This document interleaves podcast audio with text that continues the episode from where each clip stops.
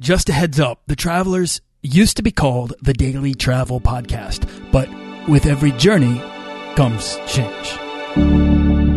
This podcast is produced by Holocene, a community of creative travelers. If you want to get serious about planning that next trip, writing that book, starting that creative project, or launching that business, we're breaking down the barriers between where you are and where you want to be together at joinholocene.com. That's join, H O L O C E N E.com. We think we know the plan, right? But the plan always tends to change on us. This is a series of stories with fascinating people about things unexpected. I always had this intrinsic feeling that I wanted to get out and I wanted to see the world and and you know, I didn't know how that was going to happen. This is the Daily Travel Podcast. There was a sort of golden thread that was I think consistent, you know, although maybe a little bit esconded or buried. This is about going to the limits of our curiosity and creativity and writing the stories that make up our lives. There were doubts and there were fears and you know there were other pressures that were like stay in Toronto, uh, be like everyone else. This is a show about exploring the world to better know ourselves and about turning ourselves inside out to better know the world. But hey, sometimes you just need to go with your gut.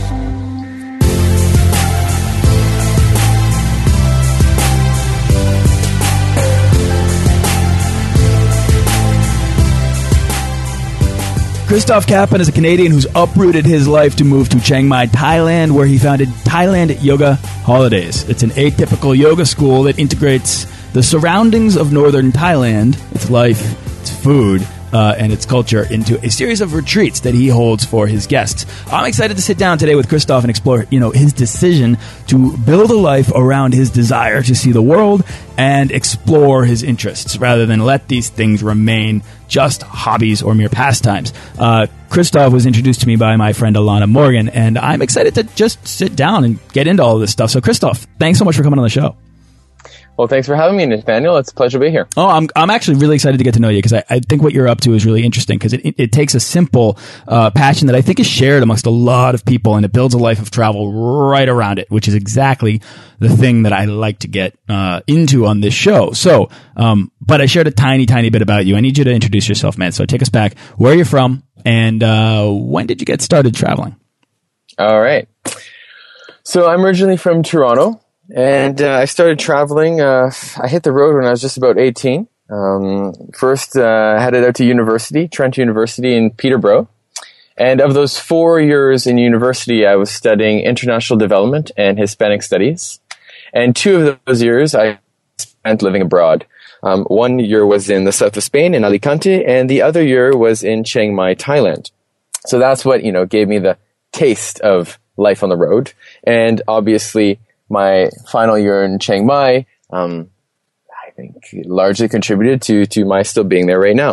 So, if you hadn't traveled up until 20, what compelled you to finally go? I mean, is this something that you had been looking forward to doing for a while, or is this just something that happened spontaneously?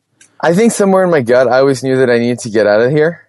Um, I, it wasn't like, I, but I think ultimately it was an organic process, right? It's not like I knew when I was 20 that I'd be, you know, wanted to living in Thailand when I was 30. It was just kind of, I just kept going back to Thailand, going back to Thailand until eventually, you know, the only thing that made sense was to base myself there.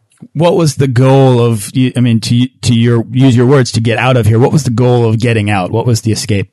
Just to find different ways of, of living, right? Of interacting with people. I mean, my first real like eye opening trip was in India. And that was, I think, a paradigm shift in many, many ways. Um, it gave me a taste for Eastern culture, Eastern philosophy, um, brought me face to face with poverty was a big one, the contrast, you know, different lifestyles, um, religion. I mean, it was completely full on. Also, I mean, my, I have a lot of family. My grandparents lived in India. Uh, my father was born in India. So somehow I think that was also like part of why I ended up there. Yeah. To be able to understand what their stories meant to them. Exactly. That's pretty cool. So then it's sort of a general curiosity about the world that was baked into your family led you to take these sort of these uh, trips, normal trips to these places that exposed you to a new style or a new uh, way of living, and uh, that just made you curious and hungry for more. Absolutely. Cool, man. I like that. So it's pretty simple. It's pretty straightforward. Um, what was it about Thailand then that kept you coming back? Well, like I said, so my first experience in Thailand was somewhat unusual. Um, it was, you know, as a university student studying at Chiang Mai University, I was studying um, Thai language and culture in addition to native studies as it pertains to international development. So I spent a lot of times up in the with the hill tribe villages, uh, learning about indigenous knowledge and how it pertains to development theory. And when I wasn't out there and I was in the city, I was living with a Thai host family who spoke no English at all. And so I dove right into the culture. I learned the language super quickly and that gave me a tremendously powerful insight into Thai culture because it's so easy to go to Thailand and just get by on your English and just go from restaurant, you know, to bar to, you know, tourist stations and never get exposed to the people. So I think ultimately what first kept me in Thailand was my connection with the people to be able to connect with the people in that way, that's pretty amazing. What, how hard was it for you to really kind of dig in? I mean, to say that you just sort of dove in and very quickly learned the language, that doesn't happen very quickly, right? Like that's something that takes a lot of work, a lot of effort, and it can be hard, I think, for a lot of people. Like you say, like if English can get you by, most people use that to get them by. What was it about you? I'm just curious, uniquely that uh, gave you that sort of drive to learn the language and get to know the people on a personal cultural level?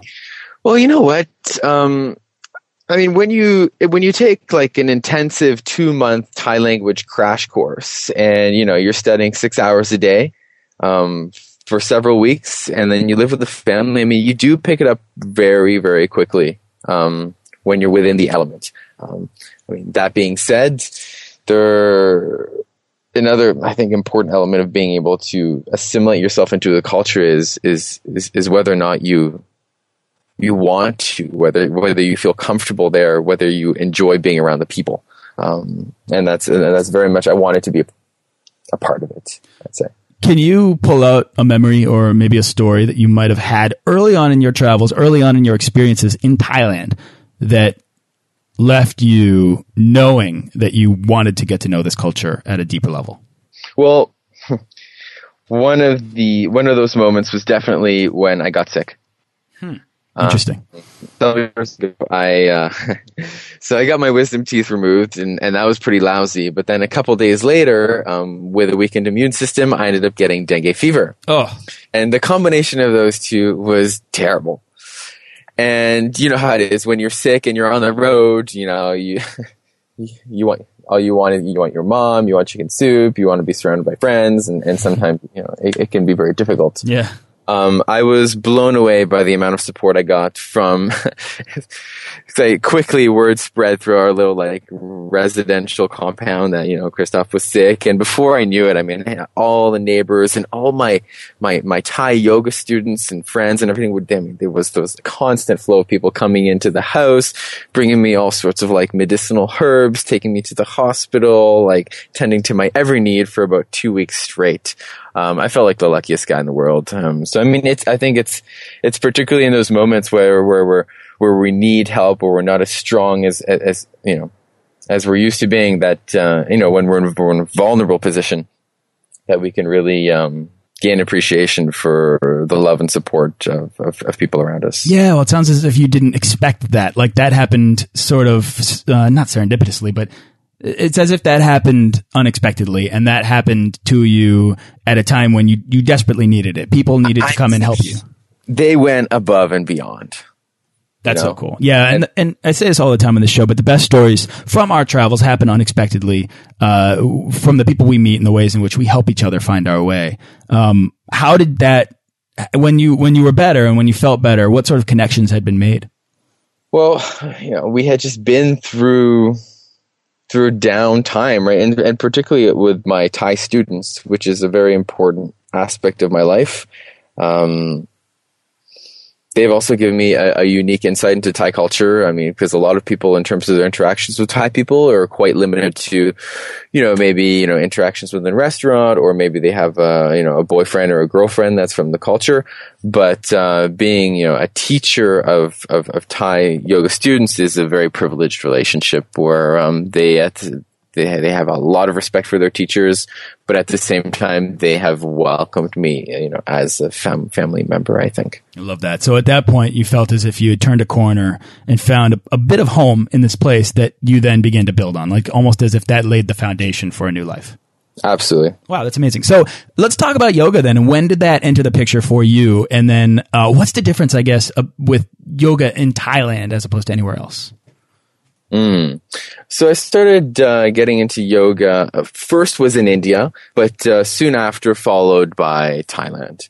Um, there's a little yoga studio called Wild Rose Yoga Studio in Chiang Mai. It's really the heart of the yoga community in town. Um, and that's where I started. That's where I started taking my first classes, you know, well over 10 years ago and uh, and I've been teaching there ever since. Uh, so that's really where it all began, Wild Rose. Got it. And then what is it about Thai yoga that stands out as as different than yoga anywhere else? Well, let's, let's, let's say even more specific to Thai yoga. I'd, I'd, I'd say it's yoga in Chiang Mai uh, oh, because okay. Chiang Mai is like no other place in Thailand. I mean, it's the cultural capital and it sets itself apart from the South because it tends to attract everyone that isn't looking to just sit on a beach. Right. Because right? it's in the hills, it's in the mountains. There's sort of a food culture there that I think speaks to, at least to me, a lot more than I say the islands do. Oh my god, the food! I mean, the food is phenomenal. Uh, food and temples and you know and that kind of stuff. And you know, and the food actually is a good point. So I mean, for example, um, it's it's very typical uh, in Chiang Mai to go to a yoga class, and you know probably the class runs over time because nobody's really on time. Uh, and then after that, uh, you know, the you know half the yoga class goes out to lunch or we go to dinner together, right? Or we go for a couple drinks afterwards. You know, have a coconut and a curry, and uh, and, and and and the yoga class kind of goes hand in hand. So in the the the the element of community and uh, the social aspect of doing yoga in Thailand is is is completely different to what I've been exposed to in you know in uh, Western sort of uh, urban metropolises, where you know it's like wham bam, thank you ma'am. You go into the class, it's kind of like cookie cutters. You get in, you get out, and you go about your your business for the rest of the day. Mm. Um, so that's huge. Did you find that, that this whole process, the social process, sort of gave you an even greater understanding and uh, exposure to the, the Thai culture and the Northern Thai culture? Absolutely. Um, I mean, in terms of who you're meeting throughout the yoga classes, uh, you gotta understand there's, there's different studios and different studios cater to different types of people. So, I mean, like, uh, there's studios where you get like Wild Rose is really nice because it's got a good fusion of like Thais and Westerners or expats and tourists, and everybody comes together into this big kind of melting pot. Um, I mean, the social, you know, aspect of yoga is something that people don't often consider. You know, we tend to enter yoga for, you know, health reasons, physiological reasons, whatever.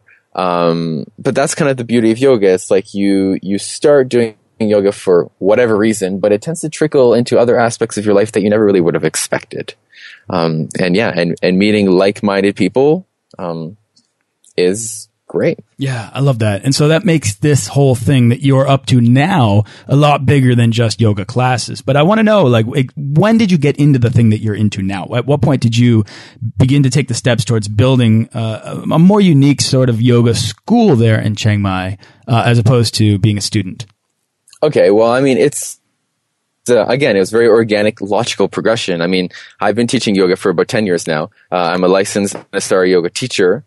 Great. Um, however, I also have this extra edge to me where I've been living in Thailand for 10 years and, uh, you know, I have a passion for all things that are, you know, finding the best of the best. Um, within every place that I travel to, uh, especially where I happen to live. So I just wanted to bring those two together because I had that much to offer people.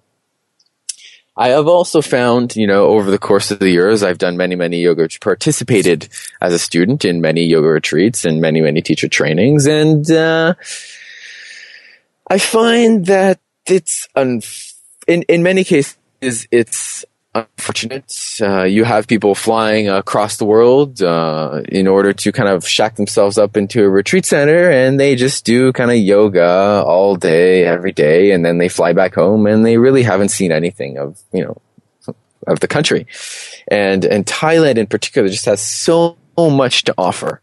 Um, so that's what I wanted to bring out to people. I, I, I wanted to combine yoga with fun with cultural experience, um, with with new discoveries, um, and, and and particularly the, the the things that are close to my heart. How easy was that for you to do? Because here's the thing: I'm looking at your life, and it's like a lot of the progressions, I'm sure, were sort of organic, like you were saying, and, and most of them makes a lot of sense. But here's the thing, Christoph: you left home which is a big deal in and of itself to move to, to Chiang Mai, Thailand. It's a step I think a lot of people dream about, but very few ever do. And then when you got there, you had sort of the unfortunate uh, experience of getting dengue fever, but that actually spun around and, and you ended up finding a degree of home there, which is wonderful. And then to sort of let this passion for yoga carry over and discover a new form of the practice that you just 100% believe in. I, I, feel like it's as if you were almost meant to be where you are today,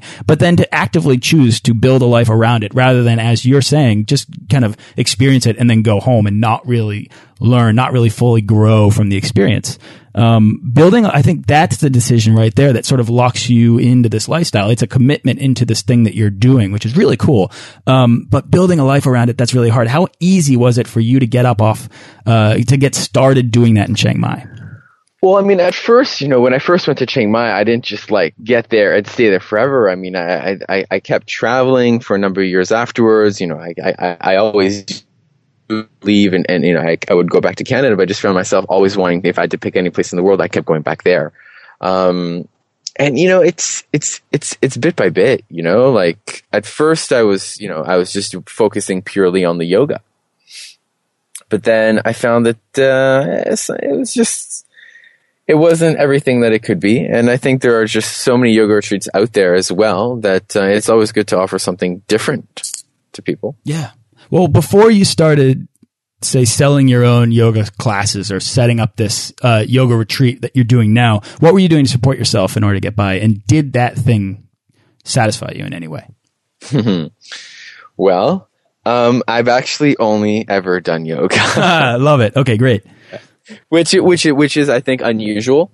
Um, a lot of you know yoga teachers, it, it's it's a bit of a slow process. Um, they they do their teacher training, and then maybe they teach a couple classes on the weekend, and then they see how that goes, and then maybe they transition to part time, and then if things are really rolling, um, you know, they they they establish their yoga career but uh, no, but no, I, I wasn't having any of that. I didn't want to do anything else.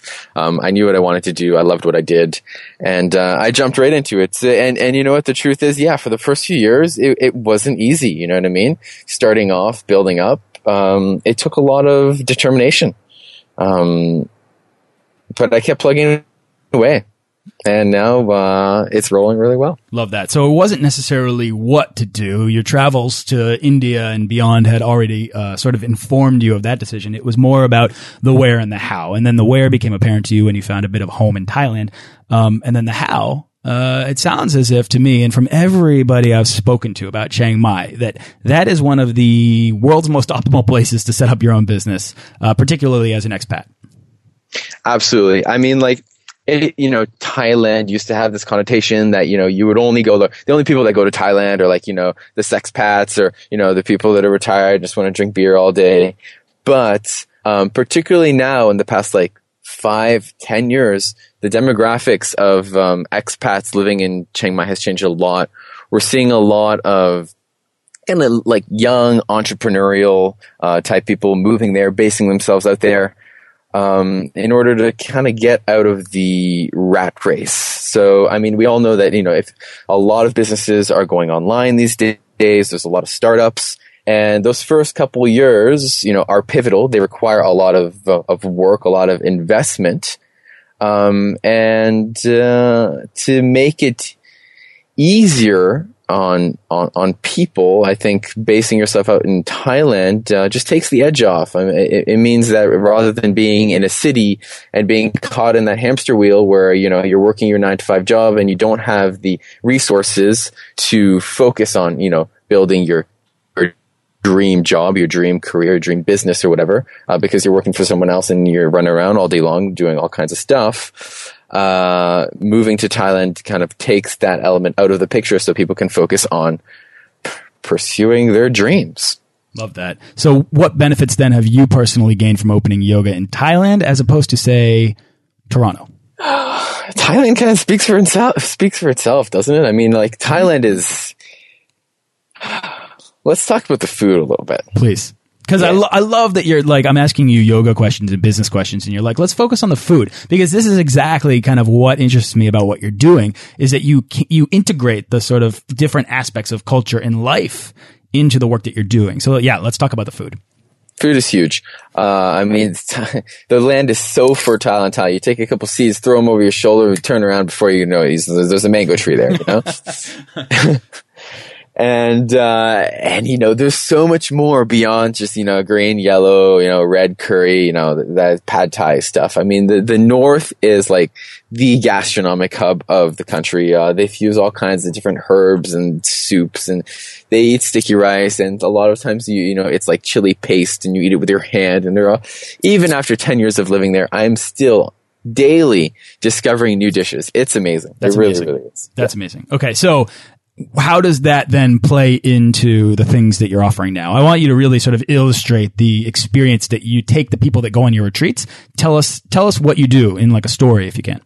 Okay. Well, I mean, these retreats are completely unconventional. So we're, we're, we're going outside of the cookie cutter, like, uh, you know, all, vegetarian, gluten free, super predictable dishes. Um, we're taking people out there and we're exposing them to the real Thailand. Okay. Uh, that being said, you know, if anyone has dietary restrictions, of course, we cater to that as well. But uh, we want people to taste Thailand. Um, so that means that uh, on a typical trip, I take them to like these little like amazing little hole in the wall street food stalls that they would never find on their own. We also go like uh, on a boat cruise and have some fine dining along the river. And then we do these phenomenal like Thai health food fusion cooking courses in the middle of like a rice paddy in the mountains of northern Thailand. Uh, we bring it all together like that. So this is so much more than yoga, but how does this tie into the entire experience that you're providing? I think when putting together a program, it's all about the sequencing and the balance of different experiences. Um, yoga is great, but uh, there's something to be said about just being out there on a bicycle, um, on your own with a group, uh, you know, having your own little adventure, um, because that's, you know, I think it's those experiences that make the memories when people get back home. I mean, they're not going to think, I mean, yeah, they're going to feel great. They're going to feel more connected to their bodies because they've been, you know, doing the practice. Um, but in terms of the experiences that gonna, that are going to stand out in their mind, I mean, it's gonna, it's, it's Thailand, right? It's it's all those fun little quirky moments that they've had, uh, that they've shared with the people that they've met, um, that that they've had on you know on the in the the activities and the adventures that that we've scheduled for them. Got it. All right. Christoph, let me take a step back. Let me ask you because you've kind of you've built this life. You've under, you've begun to see uh, what yoga travelers want, what travelers who like yoga and also uh, are curious about culture and exposing themselves to the world. Um, so you're sort of helping this this uh, curious, creative, uh, yoga loving traveler. Um, I'm curious what Christoph Kappen before moving to Thailand would think about who you are today? I think the old Christoph Kappen, uh, it's like the Christoph Kappen now. Does he can can he see himself ten years from now? We think we know the plan, right? But the plan always tends to change on us. I had no idea. But I knew I knew that something needed to change. Like I remember growing up in the city as a teenager, like I always had this intrinsic feeling that at some point I was gonna, I wanted to get out and I wanted to see the world and, and, you know, I didn't know how that was gonna happen, but there was like this kind of there was a sort of golden thread that was, I think, s- consistent, you know, although maybe a little bit esconded or buried. And, you know, we, there were, there, there were doubts and there were, you know, fears and, you know, there were other pressures that were like, stay in Toronto, uh, be like everyone else. Um, but hey, sometimes you just need to go with your gut. You know, you, you mentioned that it was a desire to get out to sort of escape where you were. I'm just curious, though, beyond a desire, was there a sense of discontent uh, about being at home or just staying in one place? Or was there a drive to become something more like you were meant to become something better, but you, you needed travel to sort of help you develop into that person?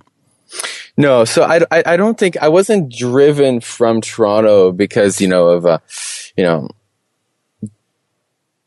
I'd say rather than discontent or a negative experience that drove me from Toronto, I think it was more, I had a lot of support from my friends and my family and, uh, and and also like within the family, I have I have a very international family.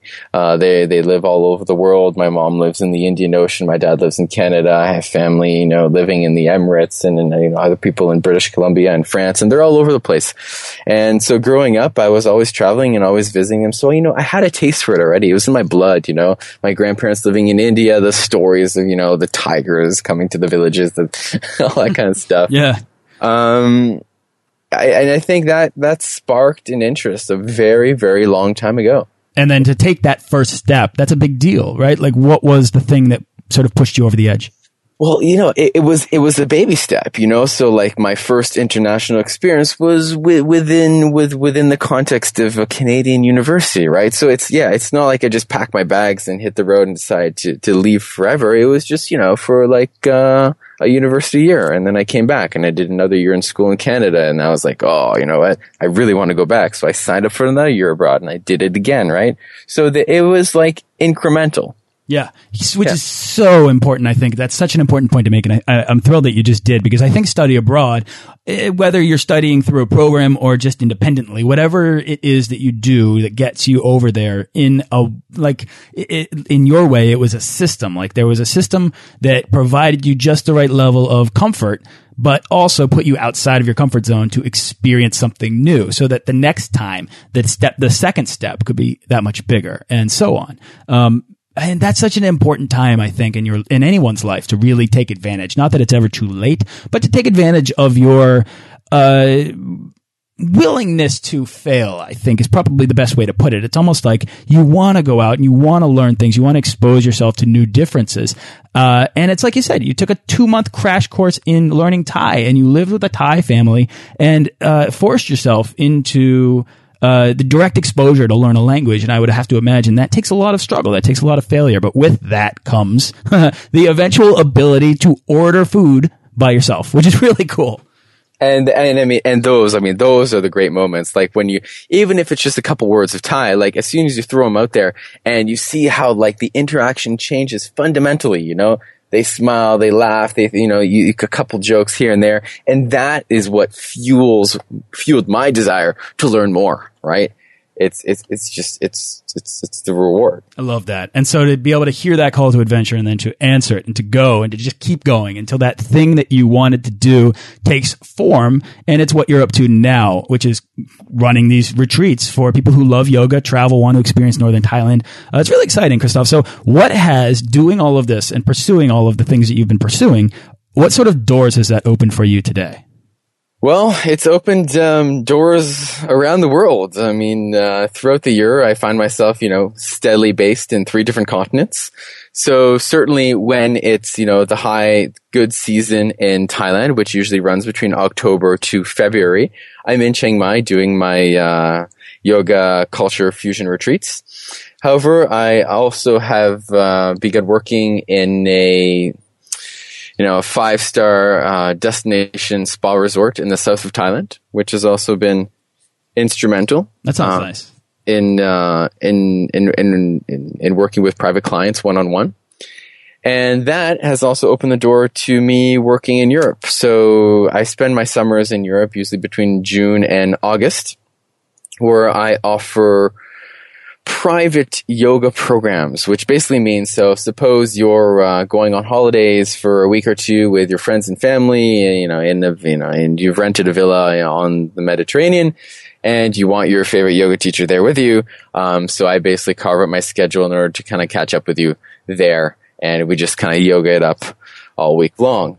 So basically, I mean, the, the concept was I wanted to, again, building relationship with my students has been huge. The way it's the relationship with my Thai yoga students in Chiang Mai who also happen to be teachers. We've been building that for years. Um, I also have lots of students that are in Europe. So I like to give them an opportunity. You know, usually once a year they come down to Thailand, visit me, whether it's in Chiang Mai or in the south. And once a year, of course, I make the effort to join them in Europe around where they live.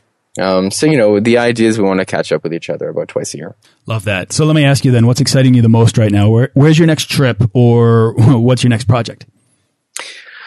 Well, right now I'm in uh, Canada for another week, uh, my annual kind of catching up with friends and family visit. And next week I'm shooting off to Ibiza. Love that. And that's going to be for private clientele. Exactly. So, I mean, everything that I do, it's very unconventional. So, always thinking outside the box, uh, different ways to offer yoga, and, uh, and, and and Ibiza is a great island. It tends to have this connotation that it's like the you know uh, clubbing and music capital of Europe, uh, which it is. Um, but it also has uh, it's also known for its uh, it's got a very strong spiritual aspect to it. There's a lot of uh, yoga retreat centers and stuff that are popping up right now, and uh, that's also kind of something that we're tapping into. You know, I think that there are probably two people that are listening to this show still. And the one are maybe those that are interested in yoga that might actually be interested in what you're doing and might head on over to your website, which we'll get to. But then there's the other side, which are the people who might be interested in doing the things that you're doing or following a similar unconventional path of exploration, of figuring out exactly what it is they want to do and how to do it where, you know? Uh, do you have any advice for that latter listener that might uh, be thinking, you know, maybe it's yoga or maybe it's something else. Maybe it's something they want to teach or maybe it's a skill. Uh, for going out, getting out into the world and, and, uh, letting the world sort of, uh, not just expose you to its differences, but facilitate the change that you've made in your life. Well, you know what? That's a great question, Nathaniel, and that's definitely something I wanted to get into. So, I'm kind of a jack of all trades. So one of the other things that I do that we hadn't really that we haven't touched on yet is um, I offer a yoga retreat hosting service for yoga teachers who want to bring their students to Thailand. Awesome. So what do they what would somebody let's say that fit the bill there what would they get out of working with you? Well, that's it. It's like I want to make it possible for yoga teachers to have to run a successful yoga retreat and take their students, you know, around the world and have an incredible experience in Thailand and back. Because the truth is, there's so many yoga teachers out there, and we all dream about having, about launching a yoga retreat in some exotic destination. But, you know, how do you turn that dream into reality? And the truth is, it's good to work with a partner, right? And so I'm on the other end. I handle everything from like all the uh, on ground logistics, the transportations, the bookings, the hotels, the food. I also offer an online platform where I handle the registrations, the payments, the waivers, the accounting. Um, I do it all so that all the teacher has to do is bring their students and focus on what they do best and what they love to do, which is to teach yoga. It's not to crunch spreadsheets or it's not to do all that other stuff because they got me to do it. now I love that. So when did you pick up on getting into this and what was it about? I have to imagine that you have found some degree of comfort, some degree of satisfaction from what you're doing and helping others sort of set up a similar thing. Uh, that's something that that you can you can benefit from, but also you can get the benefit of helping others do what you've been doing. That's it. I mean, I want to support yoga teachers in in, in being successful. Um, that's the bottom line. Um, I just, just like, uh, I, just like everything else. I mean, I, I see where there is a hole in the market. Um, the, there are so many yoga teachers and yoga teachers, let's face it. I mean, they're really, really good at yoga, but most of them in terms of like logistics and, and business, man, not so good. Love it. So, uh, that's, and that's fine because we all have our strengths, you know, but we also need to know that when, when, when we need help right? Right. And I think that that's the kind of thing that's tough to set up. And, but it's something that maybe people want to do, um, which is just to, to take the thing that they're doing at home uh, and build travel into it or build it around travel. And maybe this doesn't need to be a massive step for you. Maybe there are partners out there like Christoph that can help you have the experience that you want uh, while doing the thing that you love. Uh, the more I think about that, the more awesome it sounds. So, uh, so good on you for for setting that up, Christoph. Um, where can people go to find out more about you and what you're up to? All right. Well, I mean, definitely uh, www.thailandyogaholidays.com. We're also on Facebook and Instagram and Pinterest. Um, those would be the best way to connect. Uh, we have a newsletter. You sign up for it. We send you this really cool like uh, document. It's like uh, with the top five yoga poses to travel to do when you're traveling. Um, and we keep in touch. Uh, we won't spam you. Um, but we'll keep you in the loop in terms of all kinds of retreats coming up. Our next one is in uh, November, just in time for the Loy Krathong Lantern Festival. Um, it's going to be amazing. I love that. And for anybody interested in running their own retreats, going to Thailand Yoga Holidays would also be the solution. That's the spot. Cool. Christoph Kappen, thank you so much for taking your time to come on the show, share your story. And, uh, you know, I wish you luck on all of this because it sounds like what you're up to and what you've built for yourself, that's not easy. And it takes a lot of willingness to get outside of your comfort zone and explore yourself outwardly in the world so that you can grow inwardly as a person, as a professional, and as somebody who's making an expression in a way that lasts. So, good on you. Thank you, Nathaniel. Welcome to Thailand anytime. Oh, I can't wait. I love it. And I might actually be there in, around the end of October, so I'll look you up. All right, man. I'll be there. Brilliant. Thanks for listening to this episode of the Daily Travel Podcast. For show notes and links to everything in this episode and more, head on over to dailytravelpodcast.com. Join our Facebook page of explorers and subscribe to our newsletter for the best deals and resources to help make your next trip life changing.